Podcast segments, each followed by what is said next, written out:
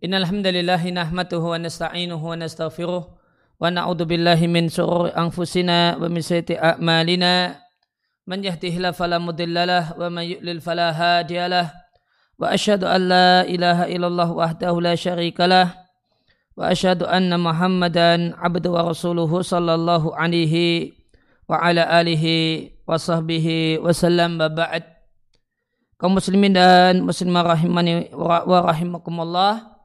Kajian sore di 20 Ramadan tahun 1442 Hijriah kali ini adalah membaca dan mentelaah Al-Afnan Anadiyah Syarah Al-Arba'in An-Nawawiyah. Ini kita akan mengkaji 42 atau 43 hadis Nabi Shallallahu Alaihi Wasallam yang terdapat dalam Al-Arba'in An-Nawawiyah dengan penjelasan dari Al-Afnan Anadiyah karya Abu Usamah Salim Ibn Aid Al-Hilali Kana Allahu lahu bimannihi wa karamihi.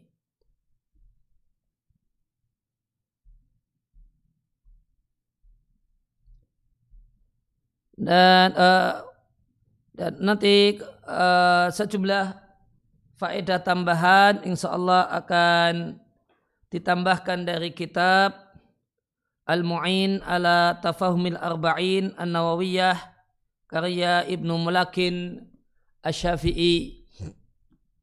Nanti fawaid tambahan nanti akan banyak uh, saya ambilkan dari kitab ini Al-Mu'in ala Tafahumi Al-Arba'in An-Nawawiyah.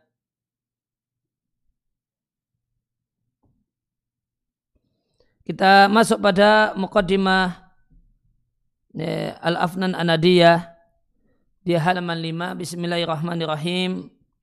Innal hamdalillahi nahmaduhu wa nasta'inuhu wa nastaghfiruh wa na'udzu billahi min shururi anfusina wa min sayyiati a'malina. Man yahdihillahu fala mudhillalah wa man yudlil fala hadiyalah wa asyhadu an la ilaha illallah wahdahu la syarikalah wa asyhadu anna muhammadan abduhu wa rasuluh Amma ba'id Fa'inal arba'in an-nawawiyah Maka buku arba'in an-nawawiyah adalah satu kitab Tara dikruhu fil afaq. Ya, Terbang namanya disebutkan ya, Atau ya, namanya di sini artinya kemuliaannya atau popularitasnya. Kemuliaannya itu terbang fil afaq ke berbagai penjuru fa'akaban nasu alaihi. Banyak orang menekuninya. Wasara mafza'ahum ilaihi. Dan jadilah wasara mafza'uhum ilaihi. Tempat kembali tempat rujukan banyak orang ke buku ini. Ini ketika orang mau ceramah, mau kultum, mau ngasih, mau ngajar, maka sering kali hadis yang dikutip itu dari kitab ini dari Al-Arba'in An-Nawawiyah. Sehingga para penuntut ilmu memberikan perhatian untuk menghafalnya dan ya, buku ini telah disarah oleh banyak ulama terdahulu dan ikut berperan serta dalam kemuliaan ini yaitu mensarah arba'in qalilun minal sedikit dari orang di generasi selanjutnya. Ya, banyak kawan-kawan di fi aktarin syatta di berbagai penjuru yang beraneka ragam berkeinginan agar aku meletakkan artinya aku membuat untuk mereka sarah ringkas yang layak untuk dipelajari oleh anak-anak muda dan bisa diambil manfaatnya oleh orang-orang dewasa dan syarat tersebut mengantarkan kepada maksud dengan jalan yang paling mudah dan mewujudkan apa yang diinginkan bi'audahi ibaratin dengan ungkapan yang paling gamblang. Maka aku penuhi permintaan mereka, maka orang-orang semisal mereka tidaklah mungkin bagiku menyelisihinya dan tidaklah mungkin bagiku menentangnya. Maka buku ini didedikasikan untuk uh, untuk pemula. Namun orang yang tidak pemula pun tetap bisa mengambil manfaatnya. Dan memang secara secara real ini bagus untuk uh, untuk menjadi bahan atau buku ajar. Karena hadis kemudian setelah itu dibawakan eh, makna mufradat dan nanti ditutup dengan fawaid atau kandungan hadis. Maka tidaklah tersisa dari kesenangan dunia kecuali kawan-kawan yang nasihun, yang menginginkan kebaikan. In ghifta hafidhuka, maka kawan yang baik itu adalah ketika dia tidak ada, tidak duduk bersama kita, mereka menjaga kita, menjaga kehormatan kita. Wabil haki nasaruka, dan mereka itu akan menolong dan membelamu dengan ya, dengan cara yang benar. Wa in hadarta a'anuka alal khairi.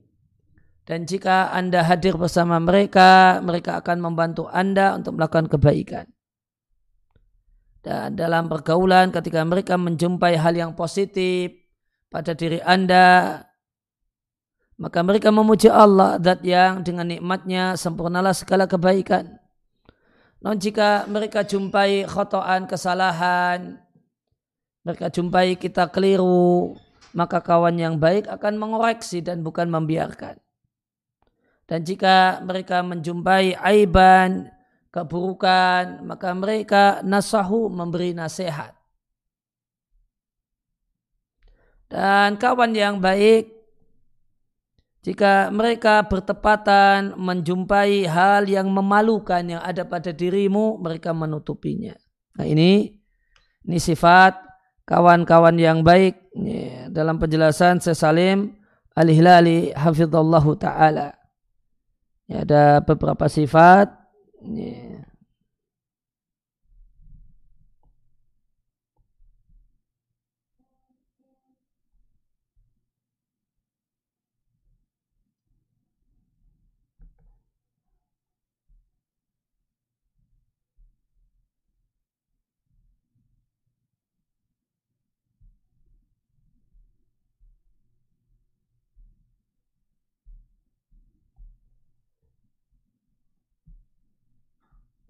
ya kita jumpai sifat kawan-kawan yang baik.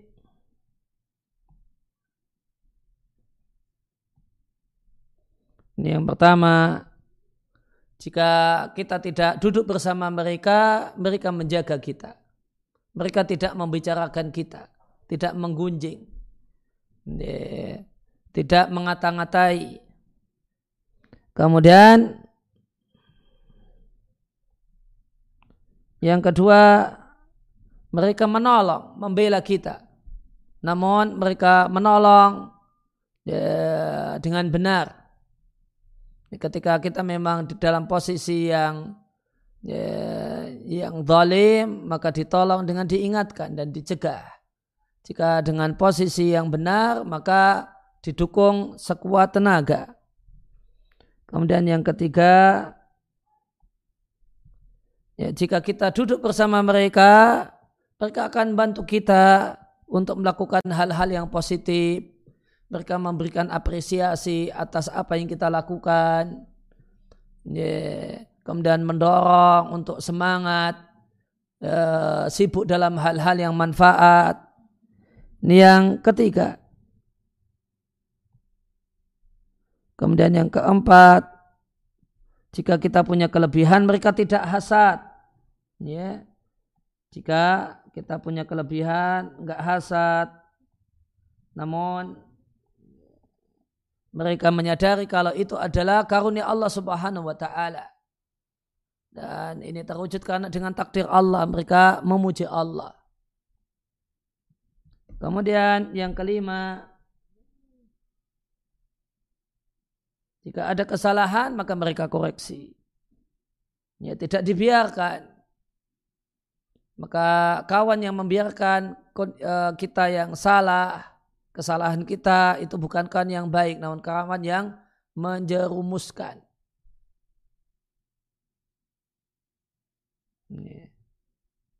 Maka jika mereka menjumpai kesalahan, maka mereka mengoreksi tentu dengan kawan yang baik akan mengoreksi dengan adab, ya akan mengoreksi dengan uh, santun. Kemudian yang keenam, jika ada hal yang aib dan yang memalukan, ya, atau atau kekurangan karena kawan, karena seorang muslim itu cermin bagi muslim yang lain. Kita tidak tahu apa kekurangan kita. Ya, namun kawanlah yang memberitahu kalau kita punya kekurangan ini dan itu. Itu yang dimaksud dengan sabda Nabi. Bahasanya al-mu'minu mir'atu akhihi.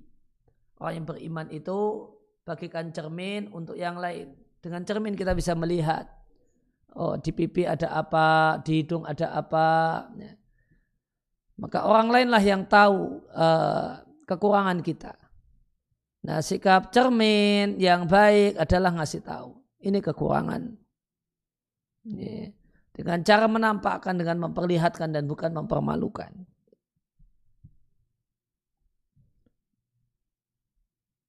Kemudian yang ketujuh, yang terakhir,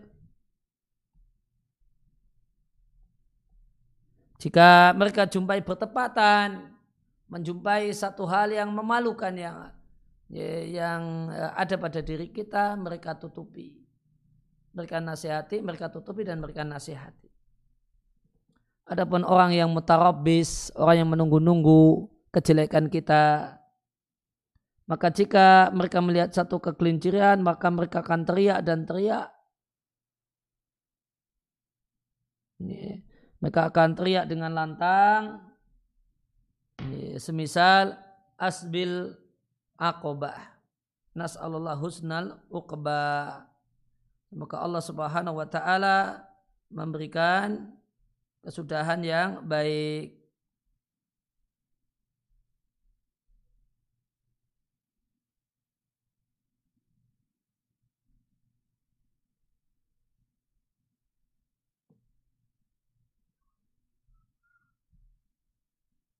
Ya, ada azbi.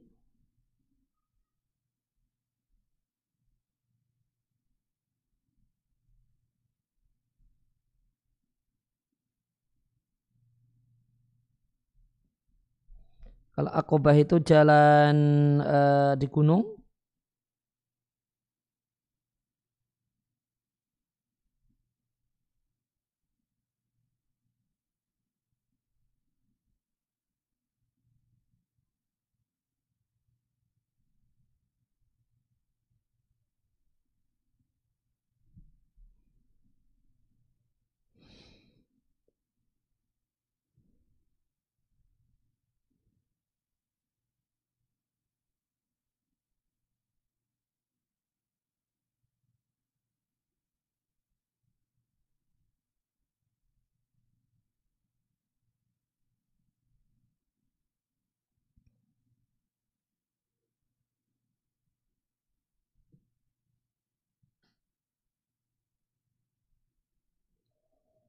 Asbi bisa.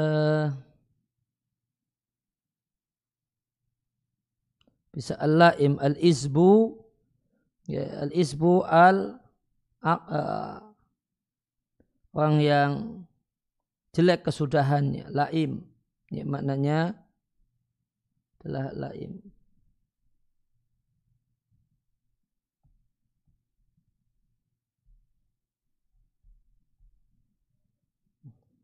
laimul aqibah.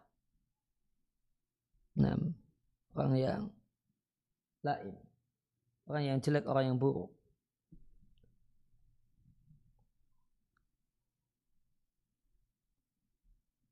Waminafilatil kauli dan tambahan keterangan bahasanya aku ingatkan para pembaca yang mulia bahasanya aku simpulkan kathiran min hada syarah banyak dari sarah ini ya, atau min hada syara sarah ini sarah arba'in ini aku simpulkan dari satu bukuku alladzina Allah bi al, al bilad wal ibad yang dengannya Allah memberikan manfaat kepada banyak negeri dan banyak orang.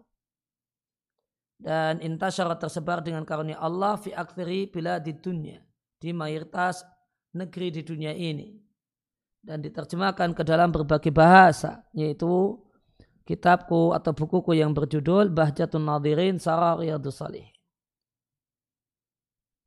Maka sarah untuk hadis ini banyak diambilkan dari sarah dari sarah beli untuk Riyadus Salihin yaitu Bahjatun Nadirin. Kemudian aku naik, ku tambahkan pada sarah para ulama maka iktanastu minha faraida wa ghanimtu minha al fawaida maka kemudian aku ambili hal-hal yang unik. Maka aku ambili hal-hal yang unik.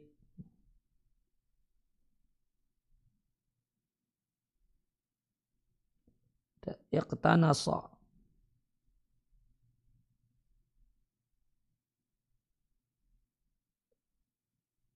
Iktanasa itu untuk binatang buruan artinya uh, menangkap.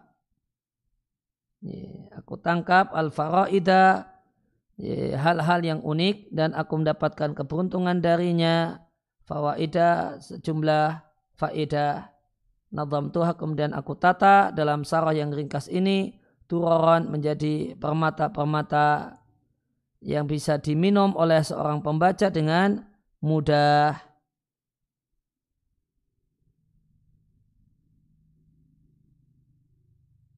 Nahala atau nahila yang halu mana aslinya adalah minum. Fayafrahu bidhalika lantas pembaca gembira dengannya wa yusaru dan disenangkan dengannya wallahul ya, mau'idu dan Allah lah yang atau al-mu'idu atau al-muwa'idu yang wawal hadi lil haqqi. Dan Allah lah yang uh, memberi janji uh, ya al-mu'idu yang berjanji wa wal hadi lil haq dan dia adalah yang memberikan petunjuk pada kebenaran ditulis oleh Abu Usama Salim bin Aid al-Hilali duha hari Senin pertengahan bulan Rabiul Awal tahun 1431 Hijriah ditulis di perpustakaanku Al-Amirah yang penuh dengan ilmu kitab wa sunnah di kota Alman Balqa Asimata Jundutul Urdun ibu kota Yordania yang merupakan bagian dari Biladi Syam, negeri Syam al-Mahrusah yang semoga senantiasa dijaga oleh Allah Subhanahu wa taala.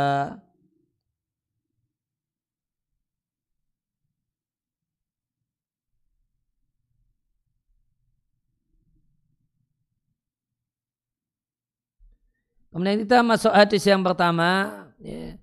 Maka di sini sarah arba'innya tidak ya, tidak sempurna ya. Karena tentunya arba'in ini punya mukadimah dari Imam Nawawi. Nah, ya, ya. Mukadimah dari Imam Nawawi tidak ditampilkan. Ya, tidak ditampilkan oleh uh, ya, oleh Syekh Salim, oleh pensarah, langsung kemudian ngambil hadisnya. Ya, maka sarah ini mungkin lebih tepat sebagai sarah hadis-hadis arba'in. Bukan sarah kitab arba'in. Karena kalau sarahnya adalah kitab arba'in, kitab arba'in itu dimulai dari dari muqaddimah, dari uh, An-Nawawi, kemudian hadis-hadis arba'in, kemudian ada dari An-Nawawi, dari Imam Nawawi itu ada uh, penjelasan untuk kosakata yang asing. Ini, jadi ini lebih lebih cenderung pada sarah hadis-hadis arba'in, bukan sarah kitab al-arba'in. Hadis yang pertama dari Amirul Mukminin Abu Hafsin Umar bin Al-Khattab radhiyallahu ta'ala anhu beliau mengatakan aku mendengar Rasulullah sallallahu alaihi wasallam bersabda Innamal a'malu binniyat amal itu ya, dengan niat dan bagi setiap orang manawa ya, apa yang dia niatkan yaitu balasan apa yang dia niatkan. Maka siapa yang hijrahnya menuju Allah dan Rasulnya, maka hijrahnya kepada Allah dan Rasulnya. Dan siapa hijrahnya untuk dunia yang ingin dia dapatkan atau wanita yang ingin dia nikahi, maka hijrahnya menuju apa yang dia niatkan, yang menjadi niat hijrahnya. Hadis ini diatkan oleh dua imam pakar hadis. Yang pertama adalah Abu Abdullah Muhammad ibn Ismail ibn Ibrahim ibn Mughirah ibn Barsdisbah al-Ju'fi al-Bukhari. Dan diatkan juga oleh Abu Husain Muslim ibn Hajat ibn Muslim al-Qushairi an-Naisaburi radhiallahu anhuma di sahih di dua kitab sahih keduanya Alladaini yang keduanya adalah Asahul Kutubil Musannafah adalah buku hadis yang paling sahih. Ya, tausik hadis, uh, tausik hadis itu uh, mengecek uh, terjemah bebasnya, cek validitas hadis. Di sini dikeluarkan oleh Al-Bukhari dan Muslim.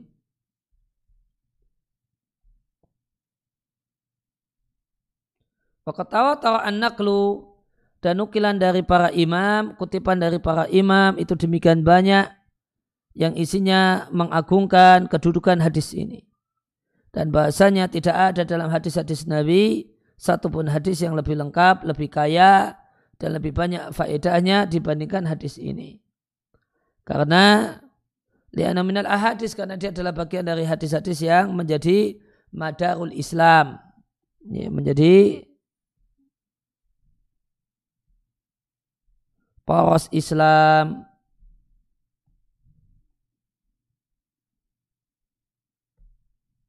Kemudian rawi hadis. Perawinya adalah khulafaul muslimin yang kedua Amirul Mukminin Abu Hafiz Umar bin Khattab Ibn Nufail Ibn Abdul Uzza Ibn Rayah Ibn Abdullah Ibn Qurat Ibn Razah, Ibn Adi, Ibn Ka'ab, Ibn Lu'ay, Ibn Ghalib, Ibn Fihar, Al-Adawi, Al-Qurashi, radhiallahu anhu.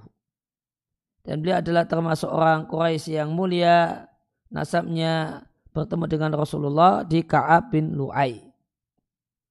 Masuk Islam di Mekah tahun 5 dari Bi'sah, pengutusan Nabi sebagai seorang Nabi.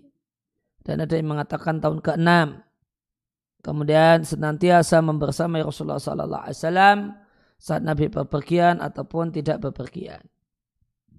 Rasulullah Sallallahu Alaihi Wasallam mempersaudarakan Umar bin Khattab dengan Abu Bakar As-Siddiq radhiallahu anhuma. Maka keduanya menjadi dua pembantu yang tulus bagi sang Rasul Sallallahu Alaihi Wasallam. Dan Nabi Sallallahu Alaihi Wasallam berkata tentang Abu Bakar dan Umar. Hadani asam wal basar. Keduanya adalah orang yang sangat penting bagikan pendengaran dan penglihatan. Ya, Umar ini menghadiri semua peperangan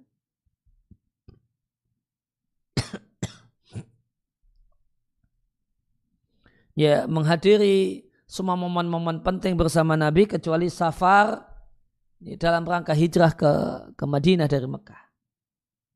Beliau menjabat sebagai khalifah setelah As-Siddiq radhiallahu anhu dengan pesan dari Abu Bakar As-Siddiq.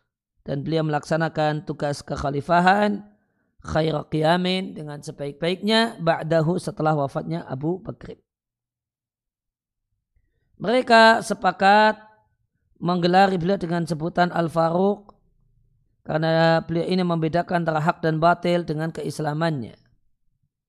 Hai sukana islamuhu mengingat bahasanya keislamannya adalah izzan ya, kemuliaan yang Allah nampakkan munculkan Islam dengannya dalam Sahih Bukhari dari Abdullah bin Mas'ud radhiallahu anhu beliau mengatakan kami ya, senantiasa menjadi orang-orang yang mulia sejak Umar masuk Islam.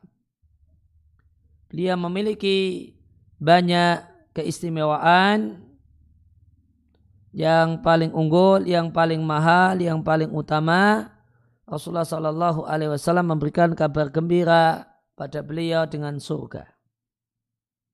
Beliau ustushida gugur sebagai syahid di masjid Rasulullah Sallallahu Alaihi Wasallam saat sholat subuh.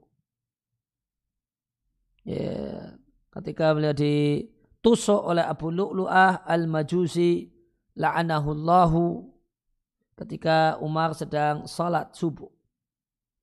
Waqat kabar dan Umar bertakbir untuk mengerjakan sholat subuh. Yang ini adalah kejadian yang terjadi pada empat hari yang tersisa dari bulan Dhul Hijjah tahun 23 Hijriah. Dimakamkan bersama dua kawannya Nabi Shallallahu Alaihi Wasallam dan Abu Bakar adalah anhu di kamar atau rumah Aisyah adalah anha maka beliau menjabat eh, khilafah selama 10 tahun ditambah 6 bulan beberapa hari.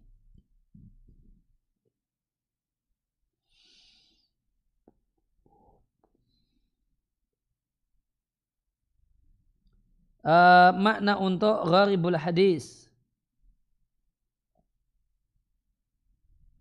Hafaz maknanya adalah singa. atau singa itu diberi kunyah Abu Hafiz.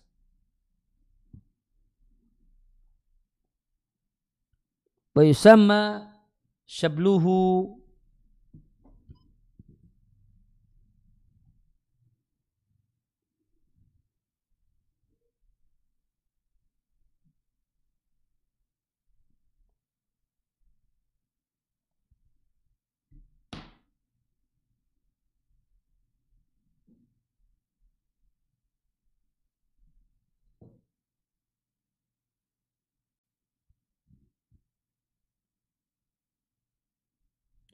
bacanya shibel shibel itu maknanya waladul asad.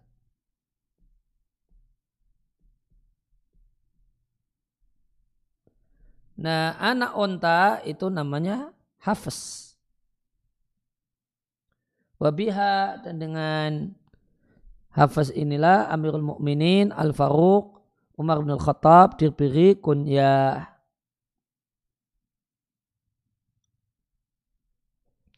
niat qasdu syai' muqtarinan bi fi'lihi. Uh,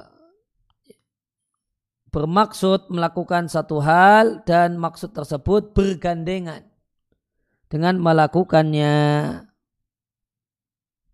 Kata-kata bergandengan itu mengisyaratkan kalau niat ini adalah rukun Berarti rukun. Dan dikerja keadaan rukun ini harus ada bergandengan dengan dengan awal perbuatannya. Kemudian hijrah dalam bahasa Arab artinya meninggalkan.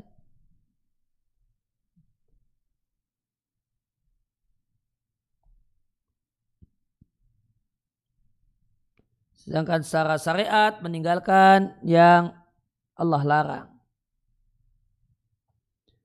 Nah hijrah itu terjadi di dalam sejarah Islam dalam dua bentuk. Ini diambil dari Bacatun Nadhirin ini. Yang pertama berpindah dari tempat penuh dengan kekhawatiran, kecemasan ke tempat yang aman. Semacam hijrah dua kali ke Habasyah dari Mekah. Ini Mekah negeri musyrik, Habasyah negeri Nasrani. Namun ini dibenarkan karena Tujuannya adalah min daril khawfi ila daril amni. Kemudian uh, hijrah yang uh, dalam makna ini daril khawf ila daril amni itu yang pertama ini. Kemudian yang kedua awal hijrah ke Madinah An-Nabawiyah. Karena awal hijrah ke Madinah, Madinah belum menjadi darul Islam, belum menjadi negeri Islam jadi negeri Islam setelah hijrahnya Nabi ke Madinah. Secara syariat atau yang kemudian yang kedua dia adalah berpindah dari negeri kafir ke negeri Islam. Inilah hijrah setelah Rasulullah Sallallahu Alaihi berada di kota Madinah. Kemudian yusibuha maknanya yahsuluha mendapatkannya. Ya, topik hadis menjelaskan keutamaan kedudukan niat dalam amal. Ini manakah posisi posisinya? Itu uh, pesan pokoknya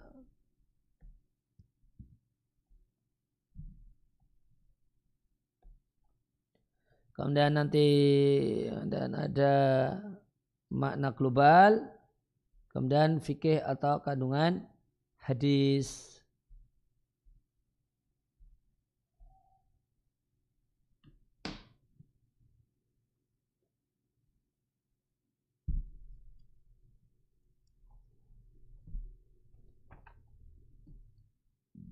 Ya, kemudian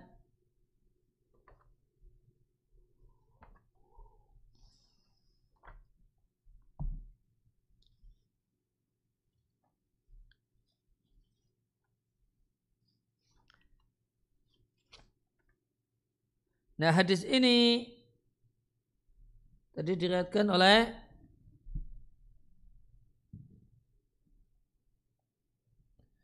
uh, Imam al-Muhaddisin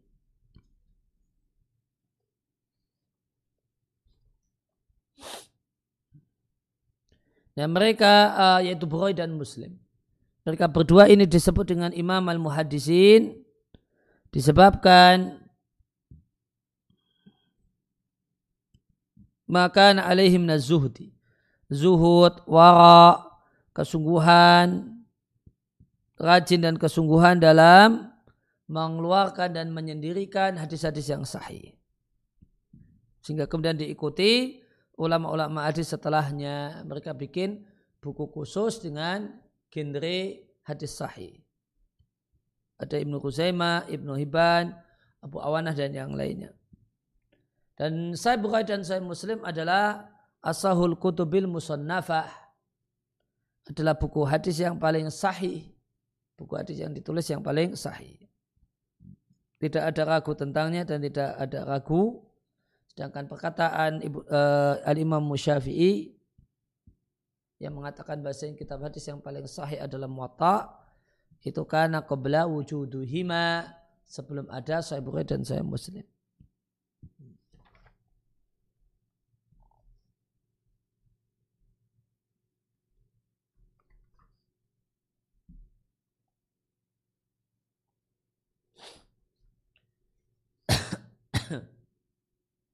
Ya, uh, hadis ini ya, tadi disampaikan hadis ini Riwayat Bukhari dan Muslim perlu diketahui dia diatkan oleh Al Bukhari di tujuh tempat dalam sahihnya. Sedangkan diatkan Muslim cuma di satu tempat saja yaitu di bab jihad.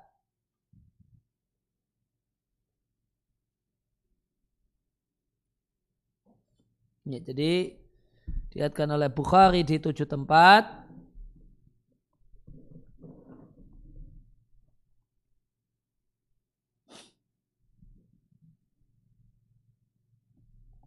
Ini. Di tujuh tempat.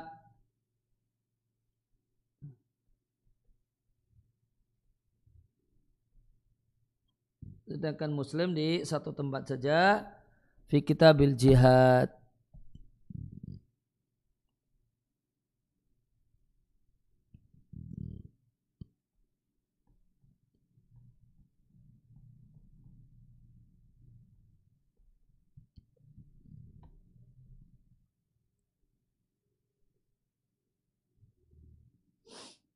Uh, sahabat yang meriatkan hadis ini itu sebenarnya banyak. Ada 20 kurang lebih 20 sahabat.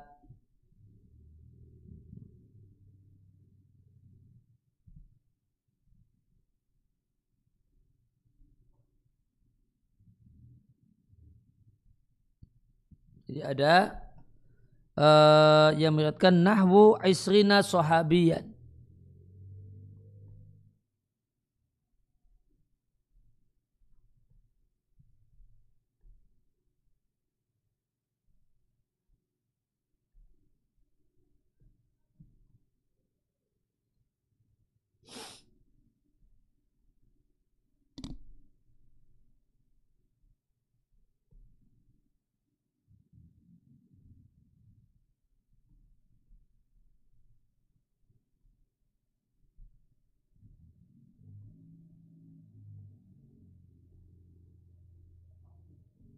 Ini kurang lebih Isrina sahabian.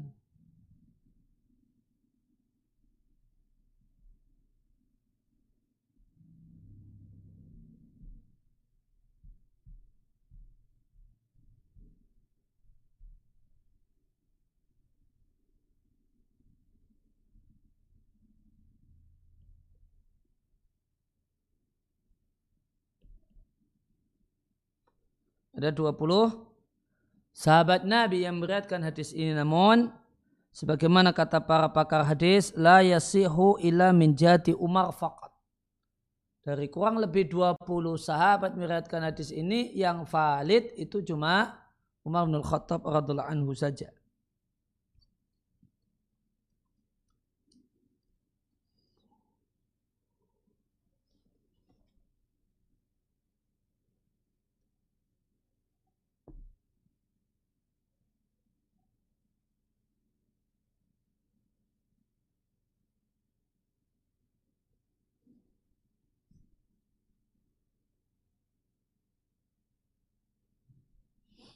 Ya, uh, dan hadis ini tadi uh, adalah ajma' wa aghna wa aktsaru faidatan.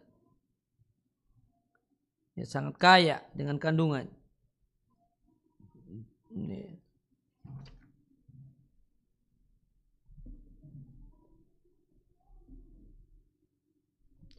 Ya, di antara fawaid di kitab Al-Mu'in ala Tafahumil Arba'in Disampaikan bahasanya Imam Nawawi membuka kitab arba'innya dengan hadis ini dalam rangka meneladani salaf. Karena mereka menyukai membuka kitab-kitab mereka dengan hadis niat. Dan mereka sengaja melakukannya untuk mengingatkan penuntut ilmu agar memperbagus niatnya. Dan perhatian dengannya. Di antaranya adalah Al-Bukhari. Membuka kitabnya dengan hadis niat. Padahal itu tidak cocok dengan judul bab. Setelahnya itu bab turunnya wahyu. Hmm.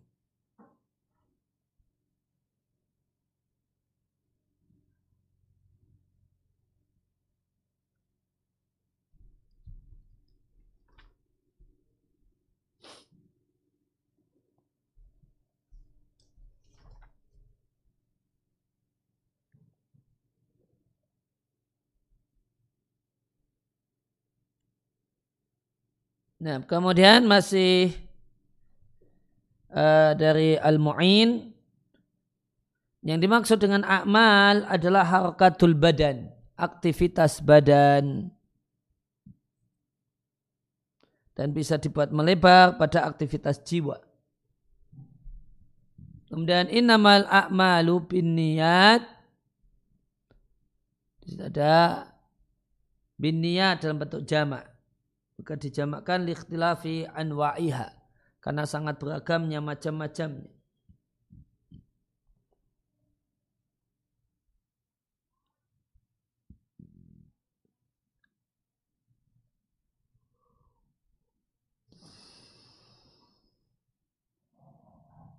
Nah kemudian inamal a'malu bin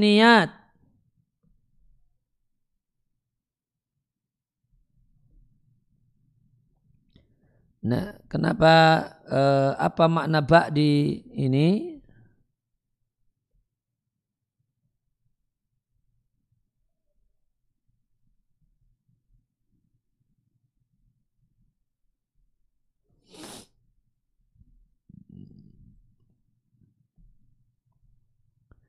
Ya, innamal a'malu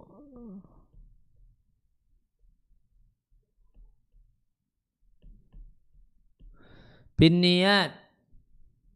Di sini ada ini ada ba. Apa maknanya? Ini ada dua pendapat ya, tentang bak di situ apa maknanya ada yang berpendapat kalau itu Baknya adalah ba'us sabab.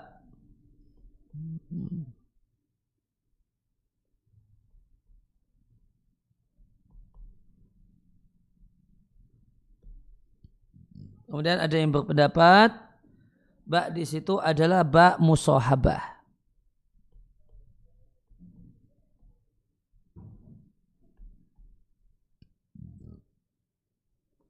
Kalau baknya itu bab sebab, nanti derivatnya niat itu statusnya adalah syarat ibadah.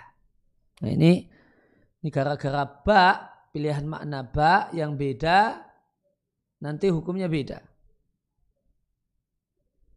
Ini, maka kalau kita katakan bak itu sebab, maka nanti niat itu syartul a'mal.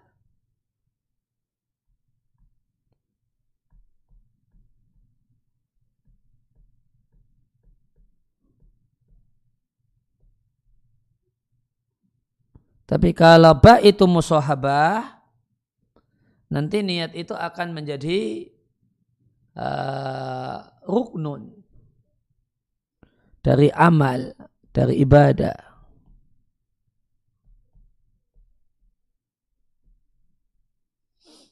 Karena konsekuensinya kalau ba itu musahabah, niat itu dimunculkan berbarengan dengan awal perbuatan. Nanti sebagaimana definisi niat yang disampaikan oleh pensar Sesalim Ibn al-Aid al-Hilali.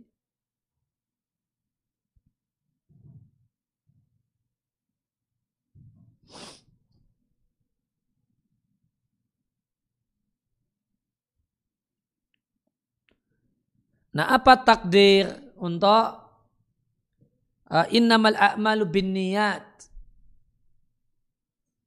Itu takdirnya apa? Kalau di Al-Mu'in ala tafahumil arba'in ada dua pendapat.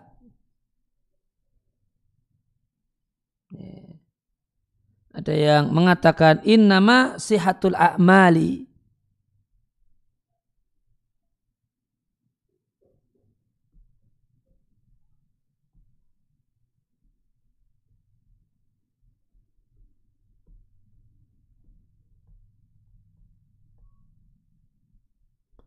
hanyalah keabsahan niat itu dengan uh, dengan uh, dengan uh, hanyalah ke, keabsahan amal itu dengan niat. Kemudian pendapat yang kedua mengatakan inna makamalul a'mal.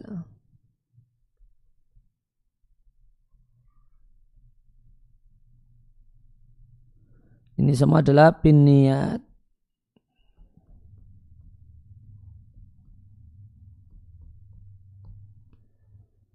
Ada dua pendapat tentang isinya apa itu. Innamal a'mal niat itu isinya apa? Dia mengatakan bahasanya itu. Keabsahan amal itu dengan niat atau kesempurnaan amal itu dengan niat.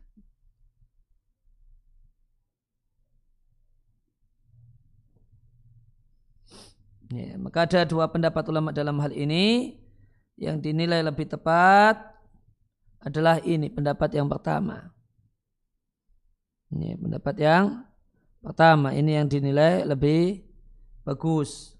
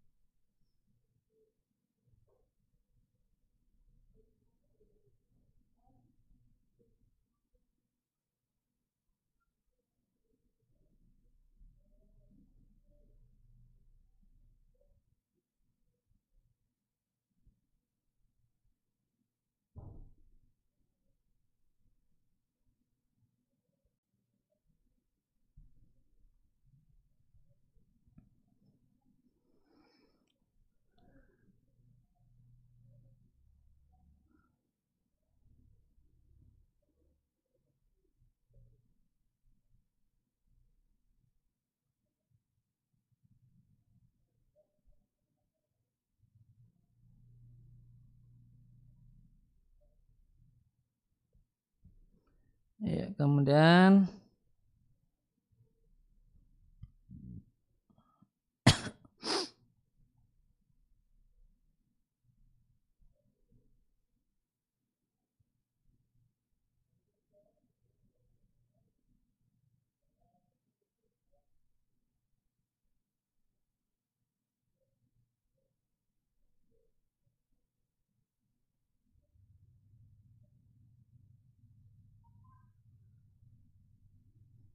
And uh,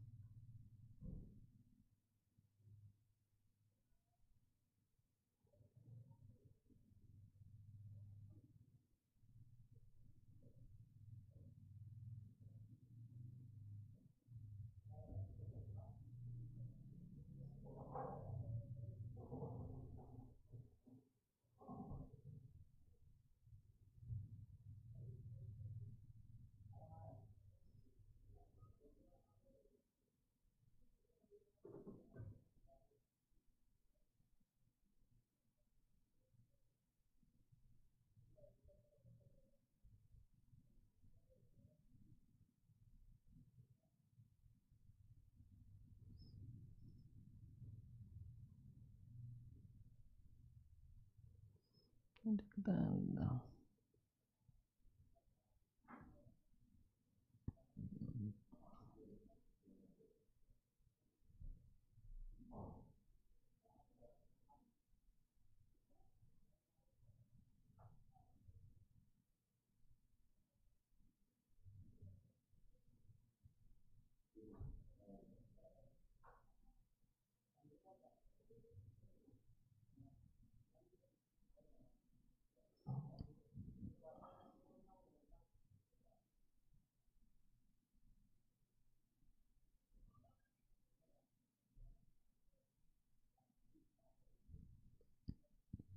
Oh.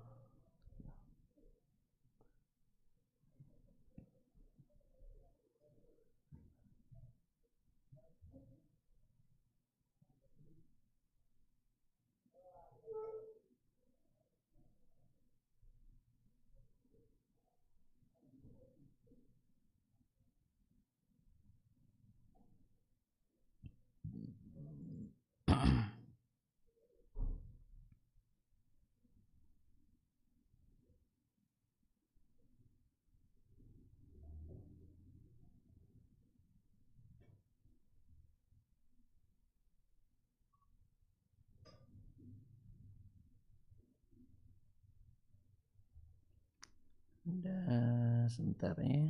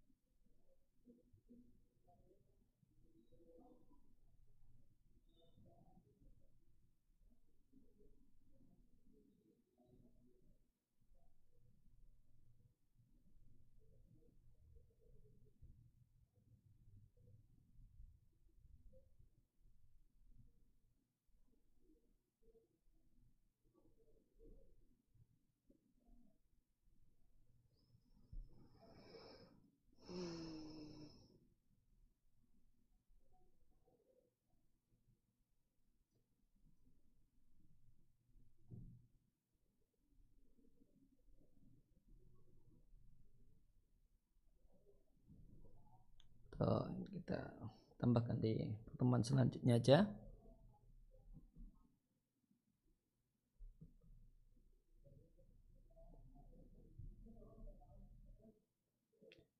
Kemudian uh, wa inna malikul imri imanawa ini berkenaan wa inna malikul imri imanawa di sini maknanya di al-mu'in ala tafahum al-arba'in maknanya adalah wa inna malikul limri'im jaza'a manawa. Fa babil hadfil mudafi. Maka ada mudaf yang dibuang. Ya, harusnya maknanya adalah wa inna ma likul imri'im jaza'a manawa. Balasan apa yang dia niatkan.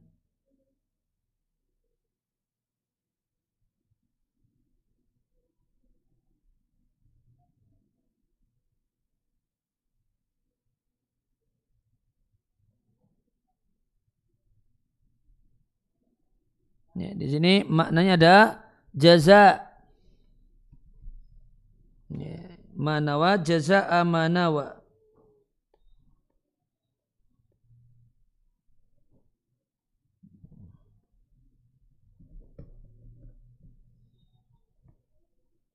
Kita lebih jelas di di papan tulis saja.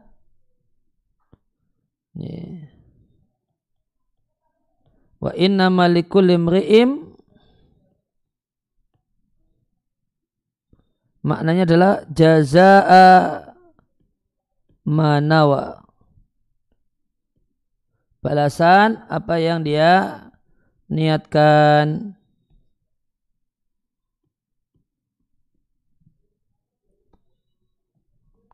Demikian maknanya.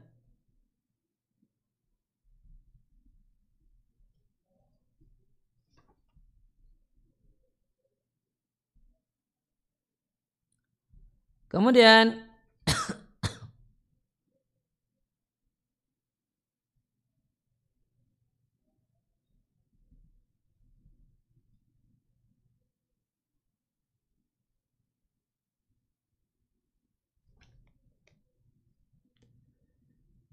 Ya kita lihat uh, awim uh, di lanjutannya hadis lidunya yusibuha karena dunia yang mau dia dapatkan. Ya, maka yang dimaksud dengan yusi buha al-isobah adalah al-husul. Ya, jadi maknanya adalah ya, ya, buha ay yahsuluha. Dunia yang dia dapatkan. Nah di sini diserupakan mendapatkan dunia itu diserupakan dengan isobatil ghardi bisahmi.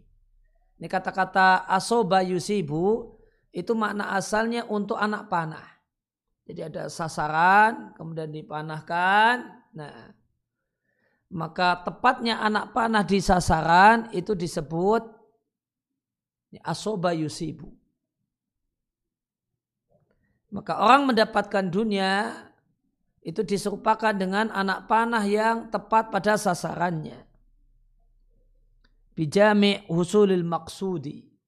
Dengan titik kesamaan ini, karena terwujudnya mendapatkan apa yang jadi maksud.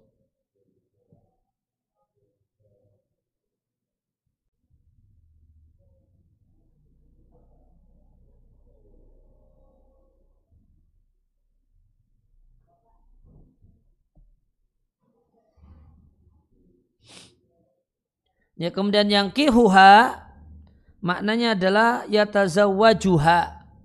Dia nikahi.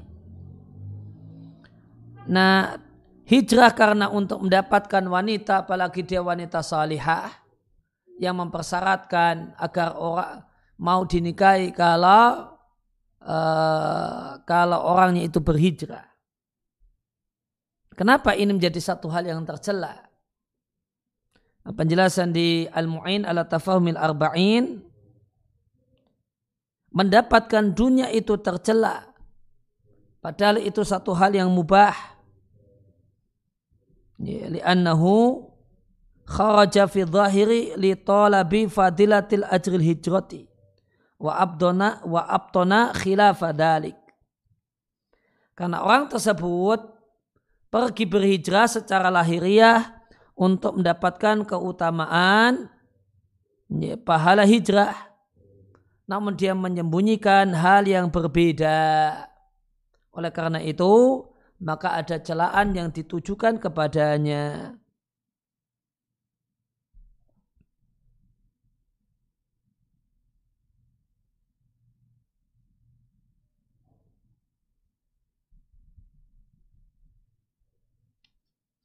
Kemudian uh, ya, wa man kana yusibuha ya, dan siapa yang hijrahnya li linya di sini at-ta'lil. Sehingga maknanya para siapa hijrahnya karena dunia yusibuha yang akan dia dapatkan. Itu sejumlah fawaid tambahan dari Al-Mu'in ala tafahumil al-arba'in. Kemudian kita lanjutkan membaca Al-Afnan Anadiyah.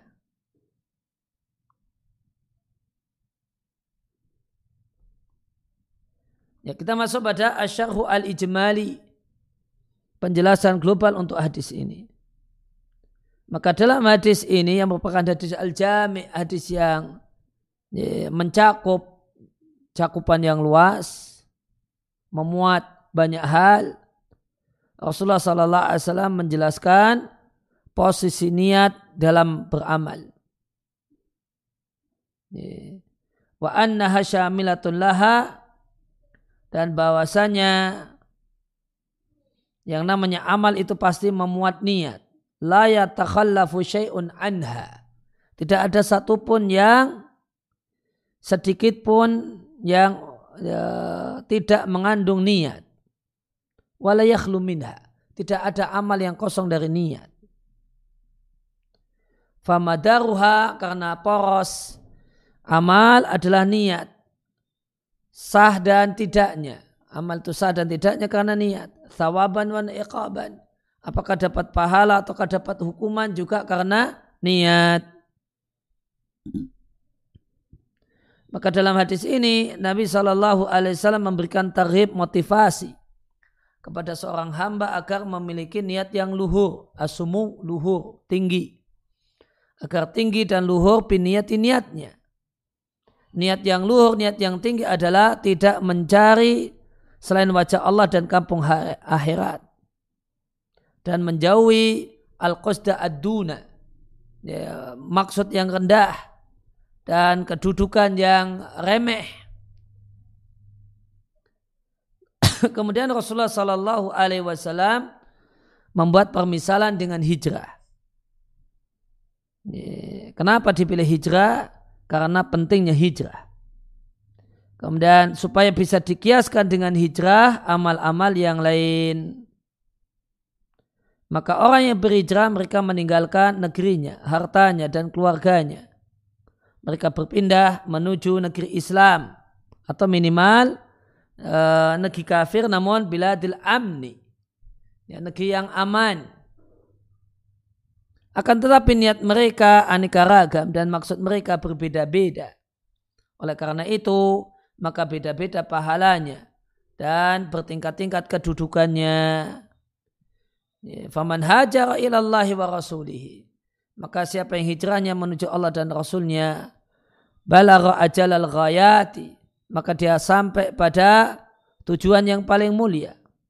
Wa adraka a'la darajati dan mencapai derajat yang paling tinggi. Dan siapa yang menjadikan hijrahnya untuk dunia dan sahawat dunia? Maka hijrahnya kepada apa yang jadi niat hijrahnya. Dan dia tidaklah mendapatkan di akhirat min nasibin sedikit pun bagian. Ya, kandungan hadis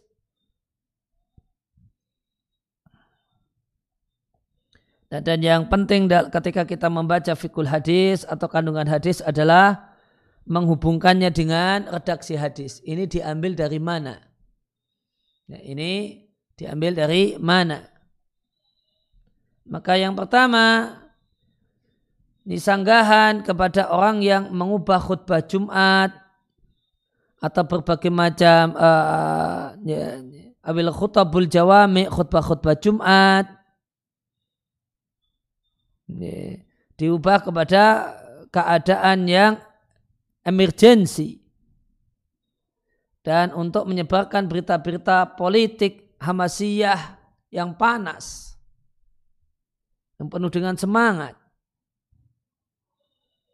Karena Rasulullah Shallallahu Alaihi Wasallam menceramahkan, menyampaikan hadis ini di atas mimbar. Demikian juga yang dilakukan oleh Umar sebagaimana dalam riwayat Bukhari. Fadalla maka ini menjadi dalil yang menunjukkan bahasanya khutbah itu sepatutnya fimayan faun nasa. Isinya adalah hal yang bermanfaat bagi banyak orang untuk akhirat. Isinya adalah hal yang bisa membuat mereka bahagia dan memberikan pengajaran kepada mereka dalam urusan dunia mereka.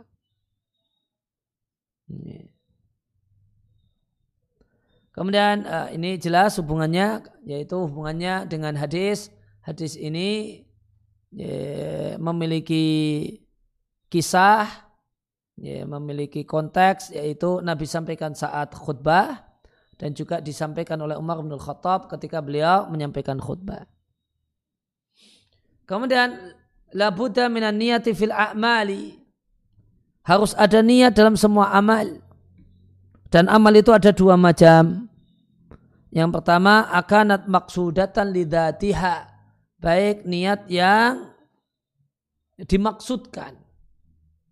Semacam sholat atau eh, baik amal yang dimaksudkan karena zatnya. Semacam sholat misalnya. Atau sarana untuk yang lain semacam bersuci. Hal ini karena ikhlas itu tidak bisa dibayangkan. Wujuduhu adanya ikhlas tuna niatin tanpa niat. Maka di sini disampaikan bahasanya amal itu ada dua macam. Ada amal yang maksud dan lidatiha. Dan ada wasilatan li ghairiha. Dan dua-duanya itu memerlukan niat. Harus diiringi dengan niat.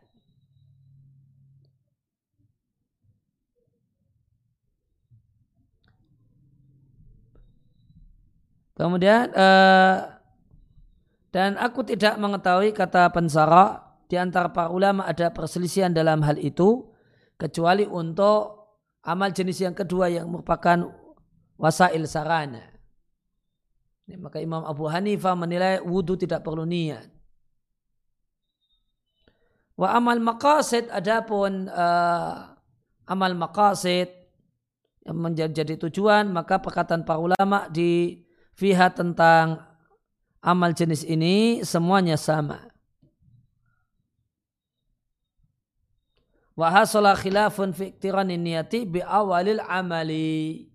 Dan terdapat perselisihan tentang apakah niat itu harus bergandeng dengan awal perbuatan yang wajib. Nih, awal perbuatan yang wajib sehingga uh, letak ya, niat ketika wudhu itu saat membasuh wajah bukan saat membasuh telapak tangan. Sehingga awalil amali artinya awalil amal yang wajib. Ya, maka tadi disampaikan ada perselisihan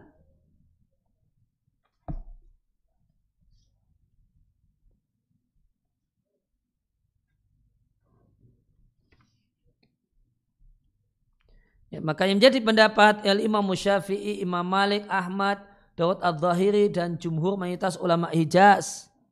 Mereka mengatakan amal yang statusnya wasail semacam toharoh harus dengan niat. Semuanya harus dengan niat, termasuk wasail, amal sarana semacam wudhu, mandi dan tayamum. Sedangkan Al-Imam Abu Hanifah dan orang yang mencocokinya mengatakan bahasanya kalau wasail sarana itu tidak harus dengan niat.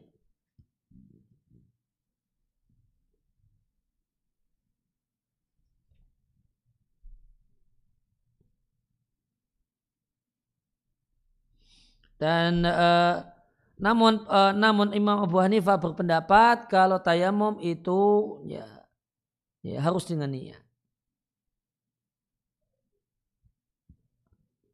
Itu di antara perselisihan ulama dalam hal ini. Dan kalau Al-Auza'i bahkan menilai tayamum juga sah tanpa niat.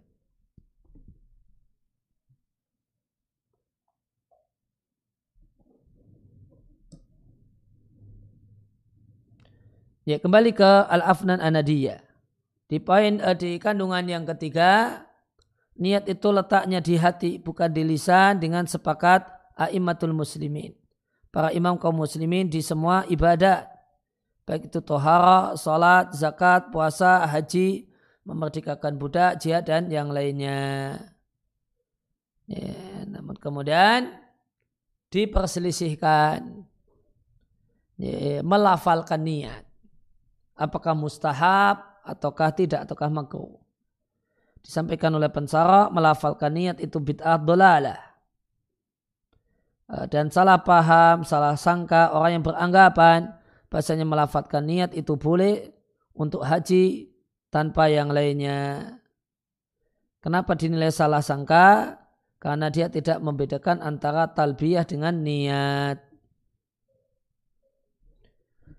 Dan Syekhul Islam Taimiyah itu bahasa atau ahkamaha menjelaskan panjang lebar ketentuan niat di satu buku tersendiri. Jadi beliau punya Syekhul Islam Taimiyah punya buku khusus membahas tentang niat.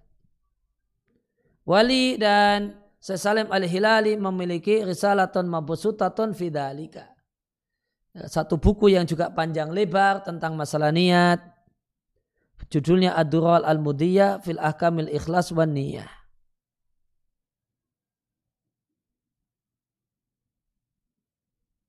Kemudian poin yang keempat, amal amal-amal kebajikan itu harus dengan niat yang benar. Namun ingat yang baik dan benar tidak bisa menjadikan kemungkaran satu hal yang ma'ruf. Bid'ah menjadi sunnah. Maka bid'ah itu tidak bisa berubah menjadi sunnah dengan niat. Namun ingat, kata Syekhul Islam, berkaitan dengan pembahasan maulid Nabi yang beliau tidak setujui, maka boleh jadi seorang itu melakukan amal yang tidak ada tuntunannya, namun karena tulusnya dia melakukannya, dia mendapatkan pahala karena niatnya. Memang betul, dengan niat, bid'ah tidak bisa berubah menjadi sunnah.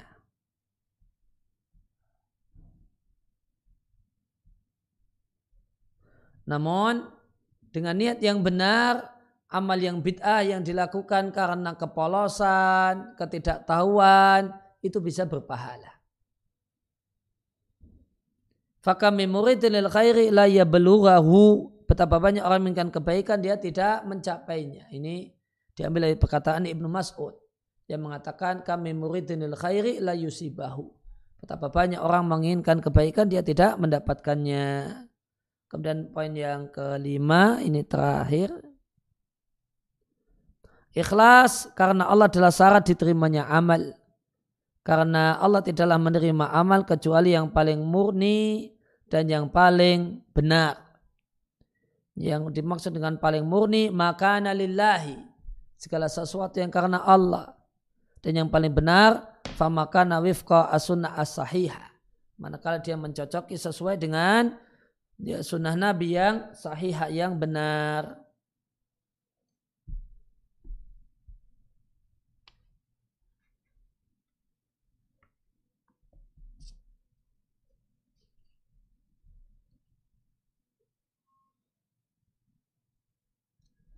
Ya, kalau ini Ibnu Ibnu Mulakin Asy-Syafi'i mengatakan tentang masalah tentang masalah niat Wa mahalluha tempat niat itu adalah hati menurut jumhur ulama dan dianjurkan untuk melafalkan niat membantu bantuan lisan untuk itu. Maka yang menganjurkan untuk melafalkan niat itu mayoritas para ulama. Dalam hal ini khilafan malikiyah menyelisihi malikiyah. ya, ringkasnya ya, para uh, para ulama madhab Hanafi dalam pendapat yang terpilih dan Syafi'iyah kemudian Hanabila dalam resminya madhab mengatakan dalam bahasanya melafatkan niat dalam ibadah hukumnya dianjurkan agar lisan sejalan dengan hati. Sedangkan sebagian Hanafiyah, sebagian yang bermadhab Hanafi, sebagian Hanabilah mengatakan bahasanya melafatkan niat hukumnya makruh. Ya, jadi bid'ahnya itu bid'ah makruhah.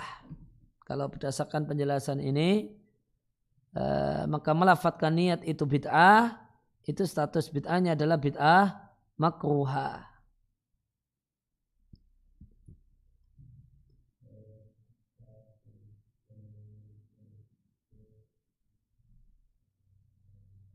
Ya, maka di sini disampaikan atalafadhu biha bid'atun dolala. Ini maknanya adalah makruh. Uh, sedangkan Malikiyah cuma mengatakan boleh melafatkannya dalam ibadat, namun sebaiknya ditinggalkan kecuali untuk orang yang terkena penyakit was-was. Maka dianjurkan bagi dia untuk melafatkannya supaya hilang kerancuan pada dirinya. Jadi kalau Malikiyah uh, mengatakan tidak melafatkan niat itu aula itu yang lebih baik.